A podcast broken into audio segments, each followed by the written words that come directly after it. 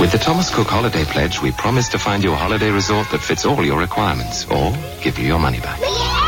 Don't just book it, Thomas Cook it. Ja, het oudste reisbureau ter wereld, Thomas Cook, is failliet. Na 178 jaar is het doek gevallen. De reclameslogan die u net hoorde, losjes vertaald... Uh, niet boeken, gewoon Thomas Coeken... stond in het collectieve geheugen van de Britten gegrift. Maar wie was Thomas Cook eigenlijk? En naar wie, naar wie is het bedrijf vernoemd? Hier te gast, hoogleraar Europese cultuurgeschiedenis... Jan Hein Vuurné van de Radboud Universiteit. Morgen, Jan Hein. Dank je. Ja, uh, ik zei het net al, de, de basisvraag natuurlijk. Wie was het uit welke tijd? Uh, vertel Tom, even. Uh, Thomas Cook is wel een van de meest fascinerende pioniers eigenlijk van de geschiedenis van het toerisme. En misschien wel vooral omdat hij een hele bijzondere mix van heel hooggestemde idealen had als hele geslepen, bijna sluwe ondernemingszinnen. Dat zat er bij hem al vroeg in. Hij is geboren in 1808 in de buurt van Leicester. En uh, opgeleid als meubelmaker. Op zijn 14-jarige begonnen in een atelier. Um, op zijn, uh, rond zijn twintigste raakte hij enorm geïnspireerd door het baptisme. En is hij eigenlijk begonnen als rondtrekkende prediker. Dus met ja, religieus geïnspireerde idealen. En rond zijn dertigste weet hij die twee commercie en idealen te verbinden. Want dan heeft hij zich aangesloten bij de zogenaamde temperance movement. Dus de matigingsbeweging die in Engeland in de jaren 1830 uh, er, er, ervoor streeft uh, om te zorgen dat arbeiders minder gaan uh, drinken. En hij begint dan ook een uitge uitgeverijtje om allemaal brochures te schrijven, te verkopen... Uh, om eigenlijk in te spelen op die markt die aan het ontstaan is... Ja, uh, voor het, mensen het klinkt, die zichzelf willen verbeteren. Ja, het klinkt toch nog wat meer als idealist dan als, als, als commerciële man. Oké, okay, maar ja. dat gaat wel veranderen. Dat gaat wel veranderen, oké, okay, oké, okay, oké. Maar hij zit dus bij die, zeg maar, geheelonthoudersbeweging. Ja. en... en daar komt die, die behoefte naar reizen op een gegeven moment ook uh, vandaan. Hè? Uh, nou, het zit zo ja. dat uh, hij ging, zoals heel veel arbeiders in die tijd... regelmatig naar festivals eigenlijk van die geheelonthouders. en op een bepaald bedenkt hij... goh, um, um, ik wil dat meer van die arbeiders uit Leicester... naar dat festival in de buurt, 20 kilometer verder... is er weer zo'n festival. Weet je wat, ik ga een deeltje sluiten... met de lokale spoorwegmaatschappij. Treinen zijn, stoomtreinen zijn natuurlijk een nieuwe uitvinding. En hij ziet mogelijkheden om uh, de stoomwegmaatschappijen uh, zover te krijgen dat ze tegen gereduceerd tarief die arbeiders gaan uh, vervoeren.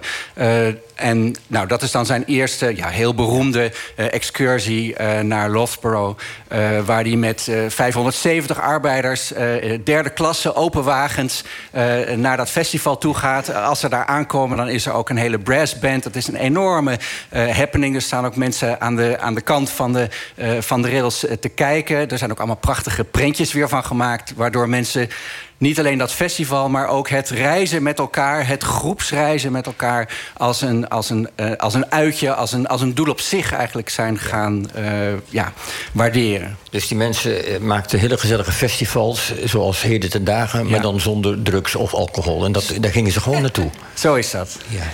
En, Goed. en wanneer werd dit dan een... wanneer dacht Thomas hier, dit reizen, daar valt meer uit te halen? Ja, dus uh, in, in de zomers daarna blijft hij dit soort reisjes organiseren. Maar in 1845, uh, uh, dan maakt hij er echt een bedrijfje van. En dan gaat hij ook reizen organiseren. Niet alleen maar voor die arbeiders, voor die geheelonthoudersbeweging. maar voor een, wat hij dan noemt algemeen publiek. dat zijn arbeiders, maar ook wel lagere middenklassers. Om die in de gelegenheid te stellen om... de eerste reisje dan is naar Liverpool. En uitstapjes naar een berg in Wales. Maar hij gaat ook advies al geven over hotelaccommodaties. En hij begint ook al met, uh, met, met, met een soort gidsje te maken... wat er allemaal te zien valt. En dat is eigenlijk het begin, hè, dat. Uh, uh, echt die, die pakketreizen waar je je op kunt intekenen... en dat je dan zowel de reis als het hotelverblijf... als rondleidingen allemaal kunt, kunt boeken. En dat is iets wat hij eigenlijk de jaren daarna heel snel gaat uitbreiden. Uh, reizen naar Schotland komen er. En dan in 1851 het grote momentum. Uh, de wereldtentoonstelling in uh, Londen.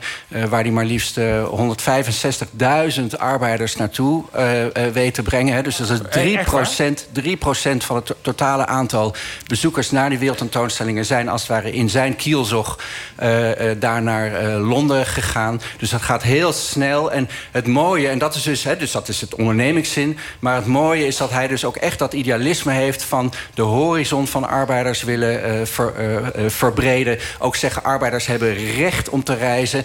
en arbeiders wil ik met name naar die wereldtentoonstelling laten gaan, omdat ze daar kunnen leren van de, ja, de vooruitgang in de techniek. maar ook kunnen, kunnen zien hoe die grote stad er, eruit ziet. En eigenlijk ook dat plezier van het reizen kunnen gaan ja, ehm, leren waarderen. Ja, wat erg gericht op arbeiders in een tijd dat arbeiders eigenlijk nog nauwelijks reisden, hè? Ja, zo is dat. Dus, dat dus, van toerisme eigenlijk nog geen sprake was. Dat is dus zijn, hè, dus zijn en hij is niet de enige. Er wordt altijd gezegd van, oh, hij is de eerste en de enige. Maar er waren al heel snel allerlei concurrenten.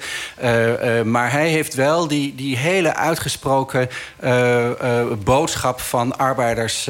wil ik de wereld laten, de wereld laten, la, la, ontdekken. ontdekken. Maar al heel snel komen er dus, oh, dan gaat hij ook echt reizen organiseren... voor mensen uit de middel, middenklasse. En dan krijg je wel hele fascinerende kritiek. Hè. Er komen steeds meer mensen die hebben dan kritiek op dit ordinaire, vulgaire reisjes van mensen die te snel. Dat zal veel mensen nu nog bekend zijn. Hè? De kritiek op pakketreizen, kritiek op package tours. Van het gaat te snel, te oppervlakkig. Die mensen weten er niks van. Dat is alleen maar overtoerisme. Wat doen die, wat doen die mensen daar? Denk maar aan de kritiek op Engelse toeristen in Amsterdam. Die komen hier alleen inderdaad hè, om wiet te halen. en die horen hier niet. Die horen niet in onze ruimte. En Thomas Cook die reageert daar dus heel, heel nadrukkelijk op uh, van uh, deze mensen hebben ook ja, recht op vakantie. Dus het is, het is eigenlijk een schande, een politieke, sociale schande... als mensen daar zo kritiek op gaan uitoefenen. En, en de vrouwen, mochten die ook mee? En de vrouwen um, mochten niet alleen maar mee, maar ze gingen in grote getalen mee. Hè? Dus, uh, dus in die eerste reisjes dan heb je mannen die alleen of mannen met hun vrouw uh, uh, meegaan naar die festivals. Maar heel snel maakt Thomas Cook ook duidelijk... Uh, dames, u kunt ook in uw eentje gaan... of met, vrouwen, ge, met, met vrouwelijke uh, gezelschappen. Want u bent hier veilig, ik ben de organisator... ik ben een soort he, vader, vaderfiguur. En het is ook een gezellig gezelschap. En al heel snel zijn vrouwen dus de grootste groep... van die reisgezelschappen. Dus je kunt ook zeggen... hij emancipeert niet alleen maar arbeiders... maar dus ook vrouwen in het, in het reiswezen. Zijn er nog tot slot, Oh ja, sorry.